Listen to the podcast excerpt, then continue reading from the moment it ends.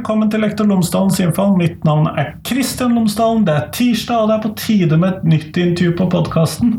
Denne gangen så snakker jeg med Ingvild Bjordal og Cecilie Haugen fra NTNU. Og vi snakker rett og slett om prosessen norske skoler har stått i fra en enhetsskole til en konkurranseskole. Det er med andre ord litt skolekritikk, skolepolitikk skolepolitikk-kritikk som går igjen på temaet på podkasten i dag. Så hvordan har denne utviklingen skjedd? Er det politisk ønsket? Er det ikke ønsket? Er det en bieffekt? Er det nye problemstillinger? Er det noe vi har sett over lang tid? Dette er blant de mange temaene som går igjen i denne podkastepisoden. Så det finner du nå etterpå. Men først så vil jeg si det at podkasten er sponset av Cappelen Dam Utdanning. Og hvis du går inn på tverrfaglig.cdu.no, så finner du alle de ressursene som Cappelen Dam Utdanning har laget i forbindelse med fagfornyelsen i videregående skole. Alle tema Dvs. Si de tverrfaglige temaene for alle årsidene. Det finner du der på tverrfaglig.cdu.no. Men det kan du teste ut. Men nå, nå skal du få Ingvild og Cecilie. Vær så god.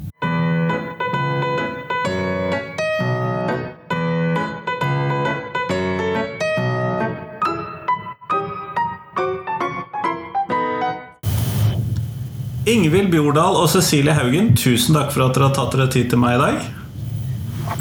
Sjøl takk. takk. Før vi kommer helt i gang med podkasten, så hadde jeg håpet at dere kunne fortelle lytterne mine tre ting om dere selv, sånn at de kan få bli litt bedre kjent med dere. Og da tenker jeg da starter vi med deg, Cecilie. Uh, ja. Uh, jeg heter da Cecilie Haugen, og jeg jobber som professor i pedagogikk og i spesialpedagogikk på Institutt for lærerutdanning på NTNU. Um, jeg er spesielt opptatt av utdanningspolitiske spørsmål og hvordan, de, eh, hvordan internasjonale trender, kanskje først og fremst, eh, preger norsk både utdanningspolitikk og praksis. Så det er forska på både skole og lærerutdanning og mer eh, utdanningspolitikk. Kjempeflott, tusen takk. Ingvild, hva med deg? Ja, Ingvild Bjordal, ja. Jeg jobber på samme sted som Cecilie. Eh, jeg jobber også med Jeg er opptatt av utdanningspolitiske spørsmål. Eh, eh, ja, litt på samme måte som Cecilie. Hvordan utdanningspolitikk virker i praksis. Og akkurat nå så jobber jeg med et prosjekt om privatisering av utdanning. Der vi ser på hvordan privatisering kan komme til uttrykk på ulike måter i skolen. Ellers er jeg utdanna allmennlærer eh, av den gamle sorten, og jobba i skolen før jeg begynte på universitetet. Kjempeflott. Tusen takk. Eh, men dere har skrevet en bok sammen som eh, heter 'Fra enhetsskole til konkurranseskole'. Eller fra fellesskole til konkurranseskole, strengt tatt. De to begrepene står så tett i hodet på meg, så det er farlig. Men hva mener dere med konkurranseskole?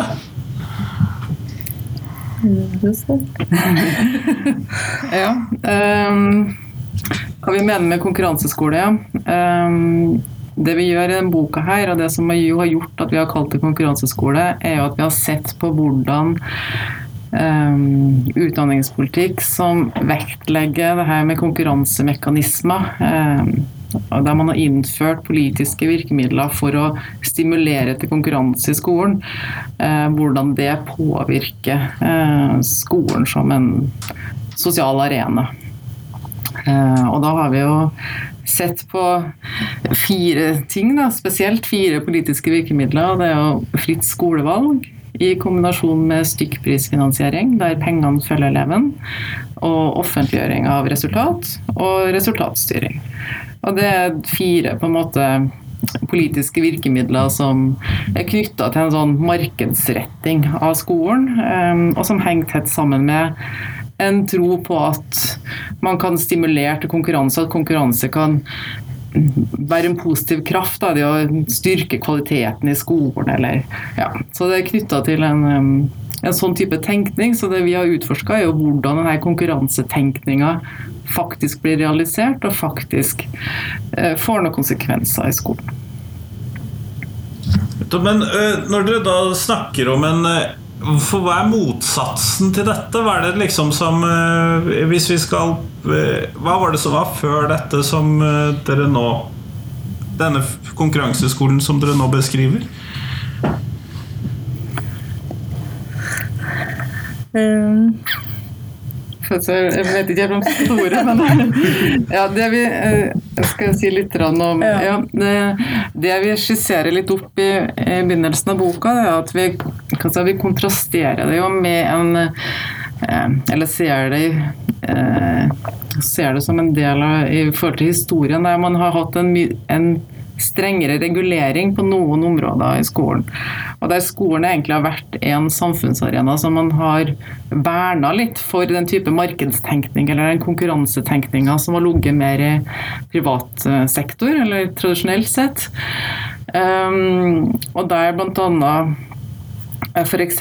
så har man vært opptatt av å regulere um, det her med hvem hvor man skal gå på skole. altså at Nærskoleprinsippet har stått sterkt i norsk skole. Man har tenkt at skolen skal være en arena der barn fra ulike bakgrunner kan møtes på en felles arena. og Dermed så har nærskoleprinsippet på en måte stått sterkt i norsk skole. Og Det samme med eh, økonomiske eller ressursfordelingsmodeller, der ressursene er blitt fordelt på en sånn måte at det ikke skal oppstå kvalitetsforskjeller mellom ulike skoler. Um, og med, med uh, introduksjonen av de her andre politiske virkemidlene som jeg viste til i stad, så si, endrer man den type styring. Så man uh, begynner å styre på en annen måte, og dermed eh, lempe litt på en del av de her prinsippene som man tidligere har vektlagt da, for nettopp å skape en fellesskole. Mm. Og Hvis en tenker litt på eller, det ene temaet som handler om resultatstyring, eh, så er jo den på en måte noe som erstatter eh, i hvert fall til en viss grad tidligere form for styring hvor en har vært mer opptatt av eh, inputen i skolen, mens en nå har vært, blitt mer opptatt av output, eller det som kommer ut. Hva er resultatet?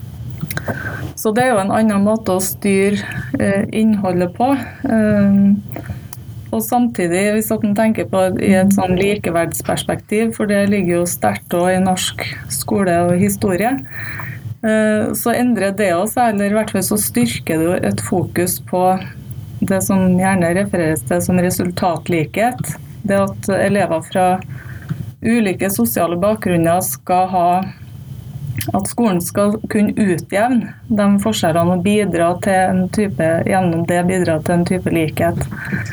Eh, gjennom resultatstyringa så legger du da ansvaret tydeligere over på skolen, og du begynner å måle i større grad. Eh, I hvilken grad bidrar skolene og lærerne til elevene sin læring.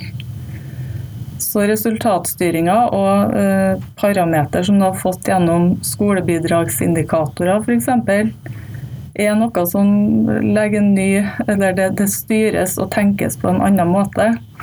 Eh, og som, på en måte som ansvarliggjør skoler og lærere i større grad. Så presset blir større på skolen og læreren for nettopp å bevise at den virker utjevnende, eller gjør en god jobb. Nettopp, men Cecilie, Hvordan tenker du at dette påvirker den pedagogiske kulturen eller eh, lærernes virkelighet ute i skolen? Da? Dette At de da har fått inn denne resultatstyringen inn i skolen? jeg skal ikke snakke for norsk eh, sammenheng generelt, for at i resultatstyring så så kan en snakke om tester som at de er beskrevet som high eller low stakes. Det betyr at det kan være mye eller lite som står på spill for lærere og skoler eh, knytta til resultater på de her testene. Det er jo gjerne nasjonale prøver eller ja. Eh, og det vil nok være ulikt i landet. Og på nasjonalt nivå så er er det nasjonale kvalitetsrammeverket eller resultatstyringa der beskrevet som low stakes accountability. Eh, I Oslo så eh, vil eh, vi argumentere med datamaterialet vårt for at det her oppfattes eller erfares som high stakes. Dvs. Si at det er mye som står på spill. Og det ser vi gjennom analyser av, av rektorer og lærere og foreldre sine beskrivelser av hvordan skolene blir på tvers og uavhengig av, av elevbakgrunn og økonomi osv. Så, videre. så de får veldig like uttrykk. Og der det som testes, blir høyt prioritert. Og det rammer jo derigjennom det som ikke, ikke, testes, som da har en tendens til å bli nedprioritert og kanskje falle ut. Uh, og det beskrives et ganske høyt press uh, i Oslo sine skoler i det tidsrommet som vi har undersøkt, som er fra 2013 til 2016. Nettopp, nettopp. Men når dere da snakker om denne konkurranseskolen, og det legges et sånt press på, med resultatstyring på, eh, på det pedagogiske personalet og skolene og i det hele tatt, har dette en sammenheng med friskoler, eller er dette mer en sånn dreining som skjer i den offentlige skolen? For det får ikke jeg helt klart for meg ut ifra begrepet. Det vi, det vi, har gjort når vi har sett på eh, markedsretting og kalle det markedsrettingsmekanismer, så har vi sett på det som skjer i den offentlige skolen. Så vi har ikke sett på friskoler eller utvikling av det. Det er jo en, si, absolutt en del av diskusjonen. Så det er mye i det her som eh, får betydning for utviklinga av friskoler. Men vi har sett på det som skjer i den offentlige skolen. Mm. Nettopp, nettopp. Sånn at det er rett og slett en problemstilling ved siden av, da, eh, på mange måter. Eller en eh, tilleggsproblemstilling, dette med friskolebiten. Uh, ja, det er jo en sånn uh, Det her henger litt sammen, fordi at uh, Hva skal jeg si vi, vi, sier litt om det innledninga på, på, boka, det her med at innenfor forskningslitteraturen så skiller man mellom si, det man kan kalle en ekstern og en intern markedsretting. Og da er den eksterne markedsrettinga mer knytta til det vi vanligvis tenker på som privatisering, altså oppretting av privatskoler og friskoler.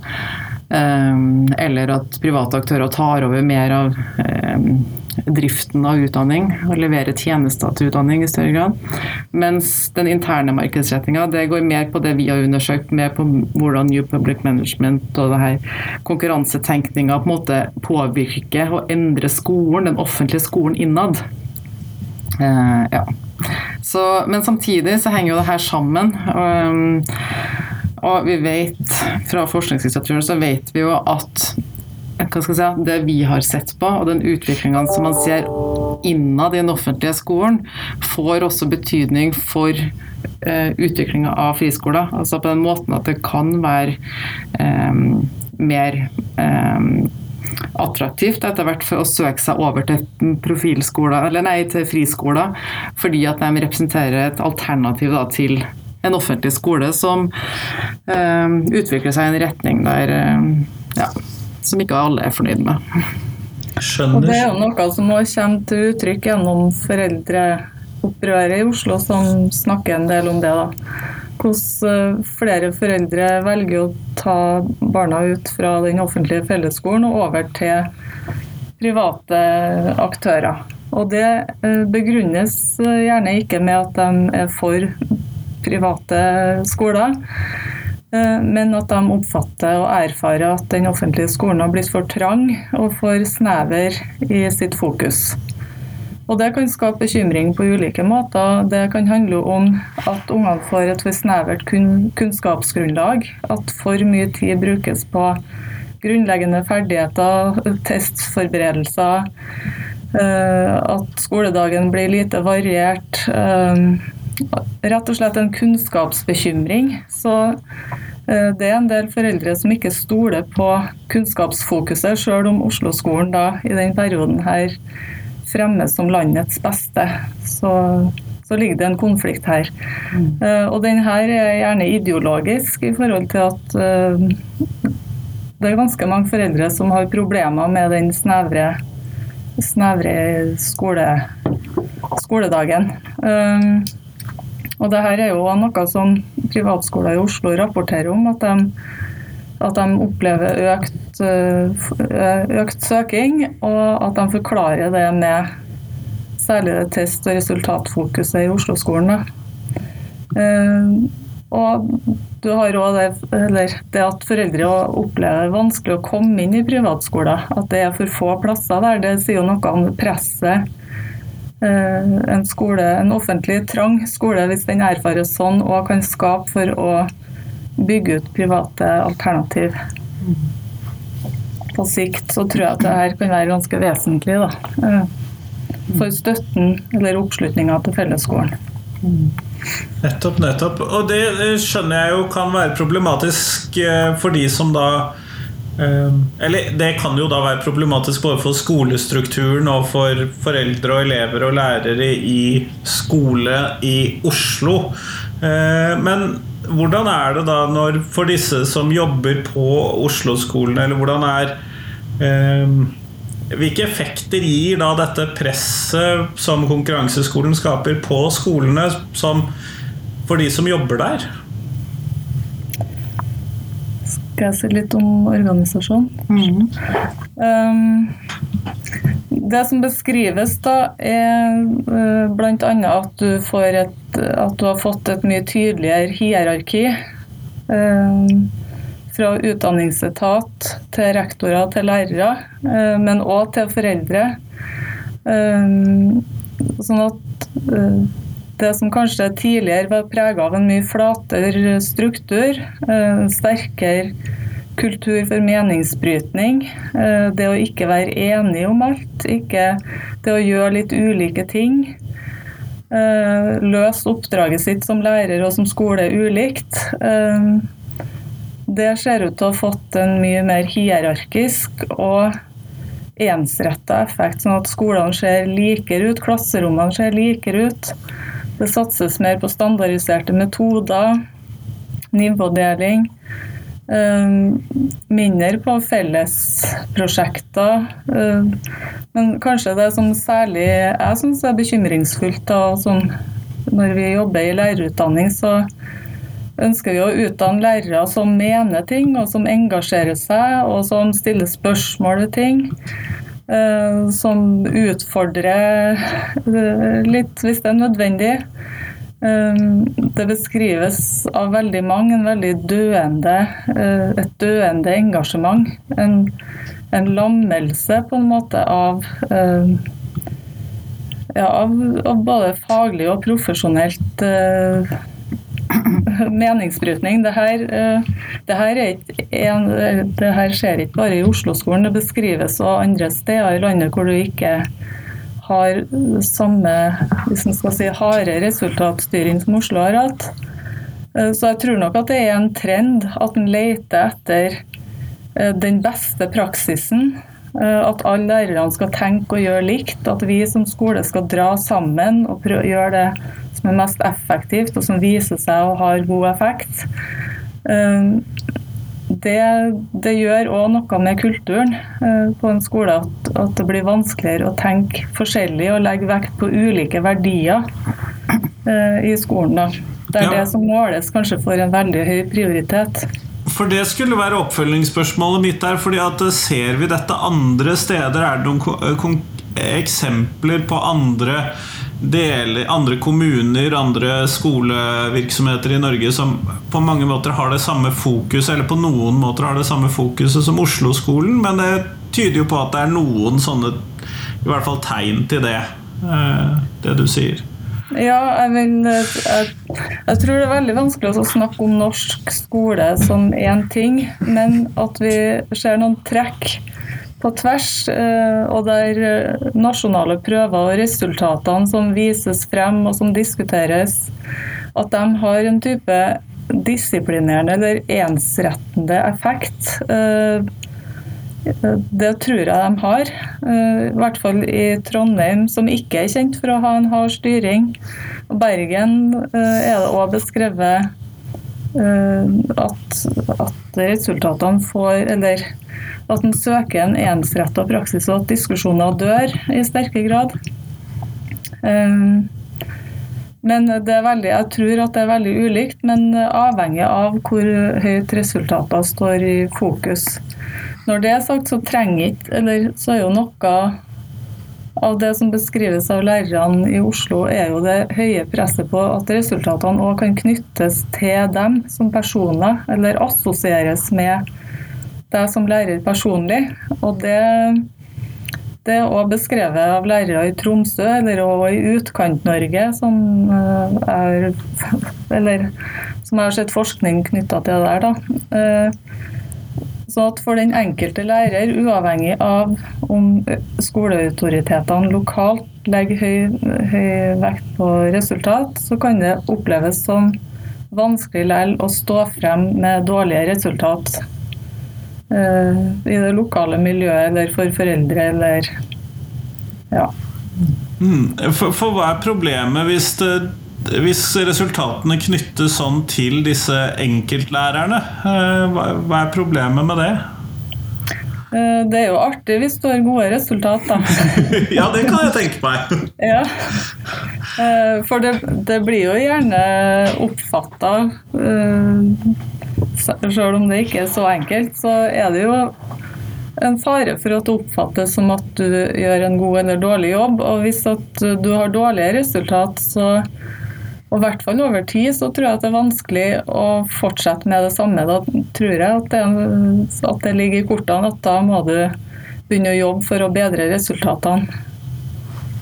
og så er jo alt relativt hvordan du stiller deg i forhold til andre. Så jo flere, som, jo flere skoler og lærere som jobber veldig mye med å bedre resultater, jo vanskeligere vil det jo være å hevde seg i konkurransen òg. Så det er en fare for at dette presset over tid øker. Nettopp. Har dette en sammenheng Ingvild, med dette med å snakke om gode og dårlige skoler? Og ikke bare gode og dårlige lærere? Ja, absolutt. Um, og det er jo noe av det som jeg har sett på hvordan det her offentliggjøring av resultater hvordan det påvirker skolene.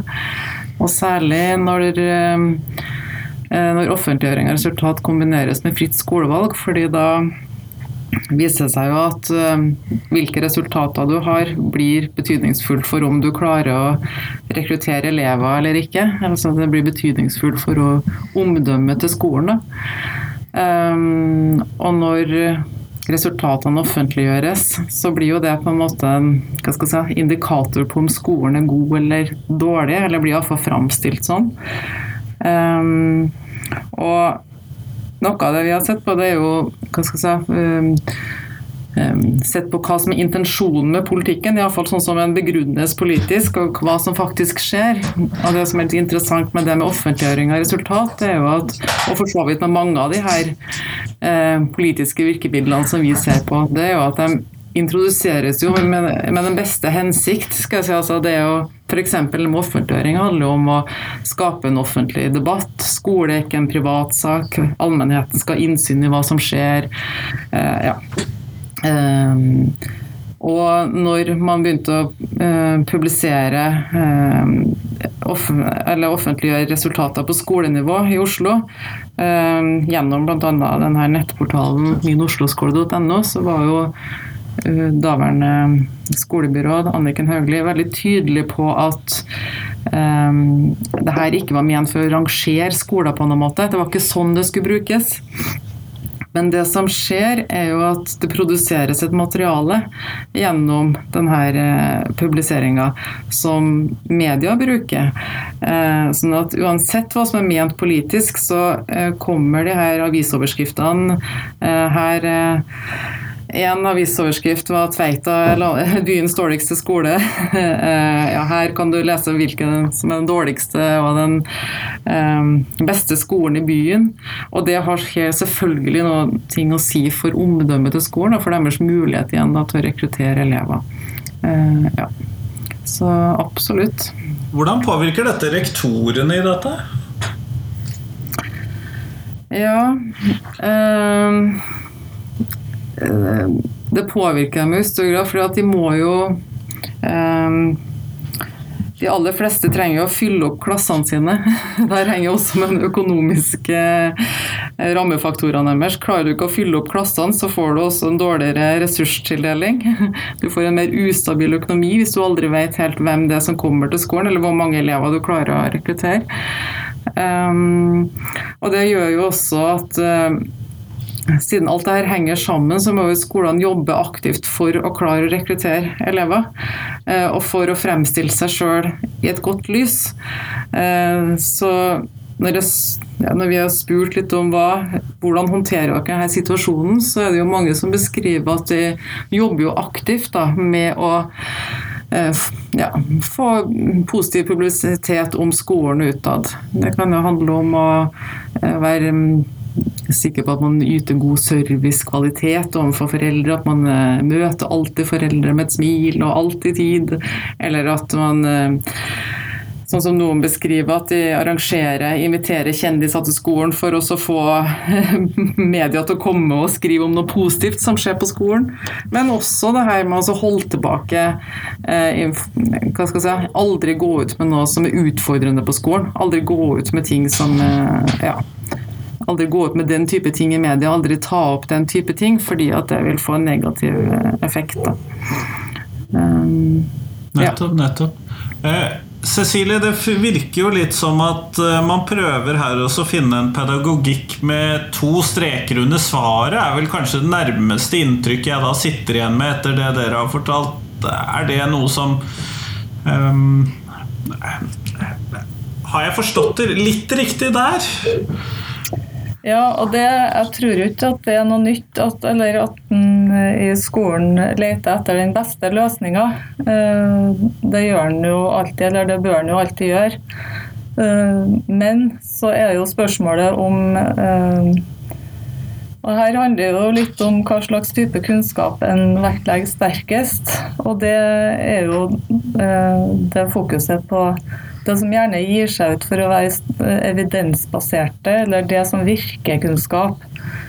Og det er en kunnskapsform som eh, den utgir seg for å være mer sikker enn annen kunnskap, mer effektiv. Men det som er problemet med den, er at den ikke tar hensyn til kontekst. Og det beskriver jo både lærere og, og, foreldre mye. At det, her, det at de blir pålagt bestemte metoder som utgir seg for å være effektive, skaper jo mye problem for dem. da. Og, og også for elever, for at det er ikke sånn at de her metodene virker sånn som de er tenkt. Eh, de er sikkert bra for noen, men ikke for alle elever. Og, men gjennom at skolen òg vektlegger den type metoder som utgir seg for å være sikrere, så har de jo òg på en måte ryggen friere i forhold til ja, men hva har dere gjort, hvorfor har dere så gode resultat? Jo, om det er lagt vekt på evidensbasert eller den sikreste kunnskapen. Det kan på en måte eller lette i hvert fall det kritiske trykket på en skole eller rektor eller lærer. Men det gjør ikke, det gjør ikke pedagogikken noe mer noe bedre for det for de elevene som ikke svarer godt på denne type pedagogikk. Da. For skolen er mer kompleks, og det handler jo òg om verdier. Eh, F.eks. så satses det mye på nivåbaserte metoder. Og noen lærere snakker om at de syns det er litt ekkelt at elevene blir delt etter nivå, og hvordan det her vises i klassen. Um, og det er jo en ganske viktig effekt av uh, en samla effekt av det vi beskriver. Det er at, uh, uh, at segregeringa i skolen er blitt tydeligere på ulike nivå. Det ene er at gjennom fritt skolevalg så, så segregerer skolene på eller etter elevene sin sosioøkonomiske bakgrunn på skolenivå og der etnisitet òg er et utslag eh, knytta til det.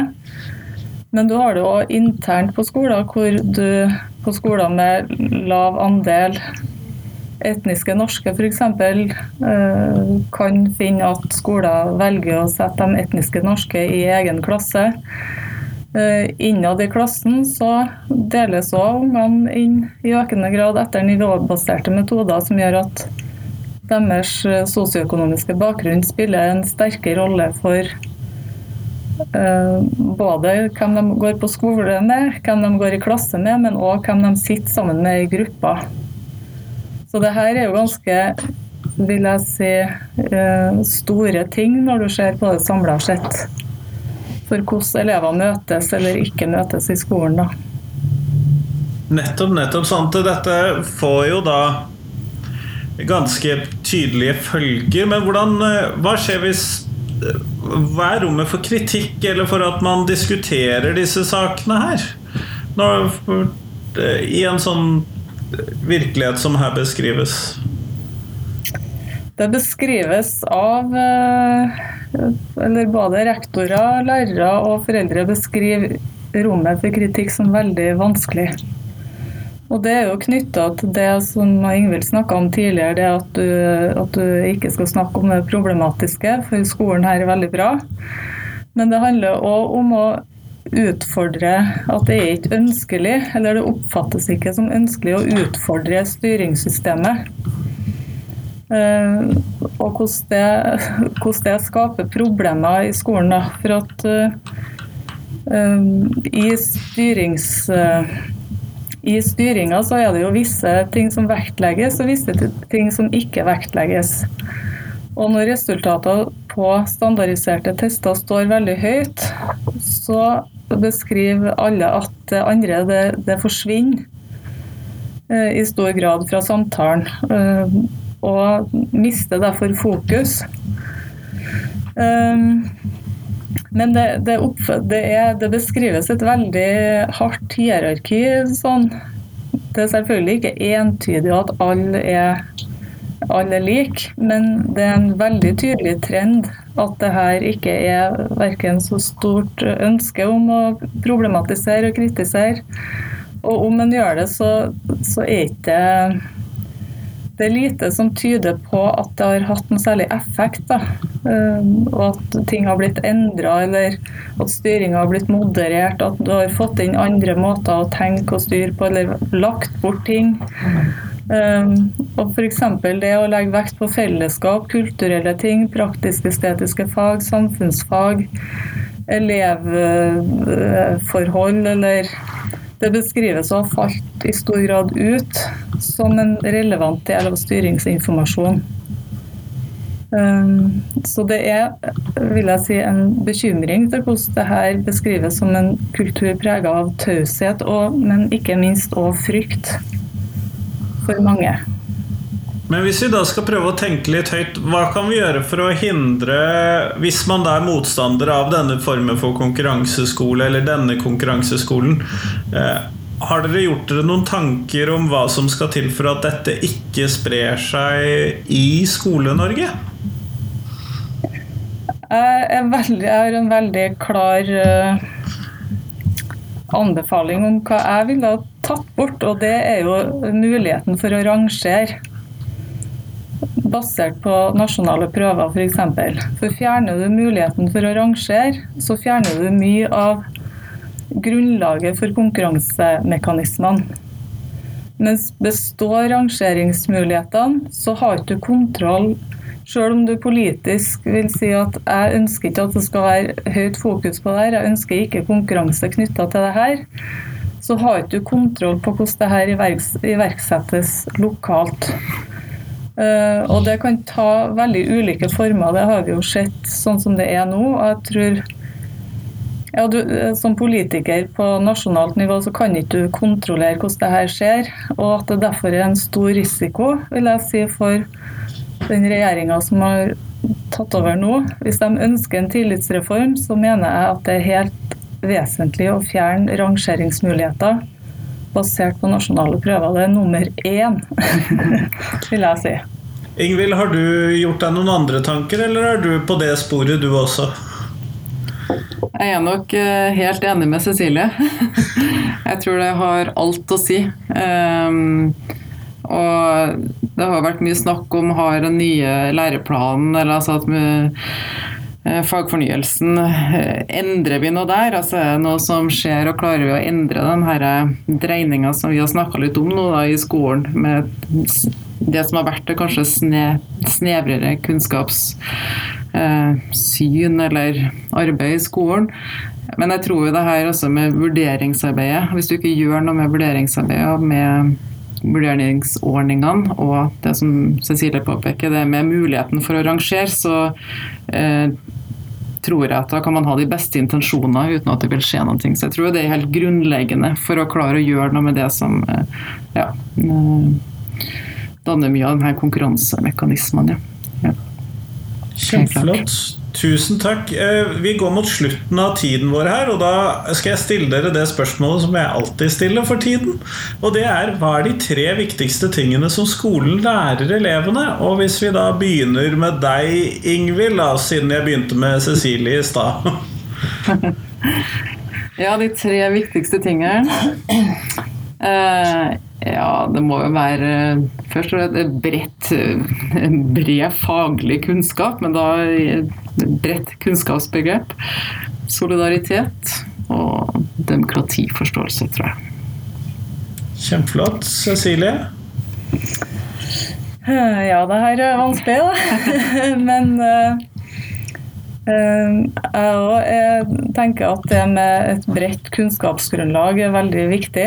Og for at elever skal oppleve mening. Jeg er litt bekymra for at nå er for opptatt av grunnleggende ferdigheter og kartlegginger og test ungene. og det har veldig viktige, gode intensjoner, men jeg er òg bekymra for effekter knytta til Eh, for høyt forventningstempo på unger sin læring. Og, og at det her kan skape unødvendig mange eh, unger som opplever at de ikke får til ting og mister trua på seg sjøl. Så skolen må, må, være mangfoldig, og at det må være rom for glede og, og mestring. Eh, og sosialt fellesskap. Det tenker jeg er viktig. Kjempeflott. Tusen takk for at dere tok dere tid til meg i dag. Sjøl takk. Sjøl takk.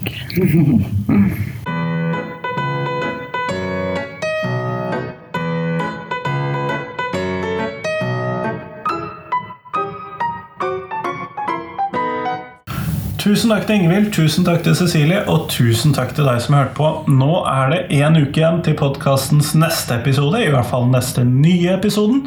Og så kommer det selvfølgelig et intervju i reprise på lørdag. Men neste tirsdag så får du et nytt intervju som er helt nytt. Så satser jeg på at blant disse gamle eh, episodene som jeg velger å trekke fram som reprise, så finner du noe du ikke har hørt på der også. Så satser jeg på at du setter pris på det, særlig siden jeg har ryddet i hvert fall litt i livet lyden på disse gamle episodene. Men eh, jeg satser på at du kan fortelle meg hvilke temaer er interessante for deg på podkasten. Nå har jeg drevet denne podkasten i over fem år. Jeg har tatt veldig mange temaer. Jeg har snakket om ting jeg aldri trodde jeg skulle snakke om på podkasten, f.eks. dusjing. Men Likevel, det er nok flere ting ved norsk skole som jeg ikke klarer å komme på, og som jeg burde vite om, og som jeg burde lage et intervju om. Send meg tips til hvilke temaer jeg skal ta opp. Men nå, nå skal du få lov til å ta uken. Kos deg på jobb, slapp av, ta det med ro, og så satser vi på at det er greie arbeidsforhold også denne uken. Hei, hei.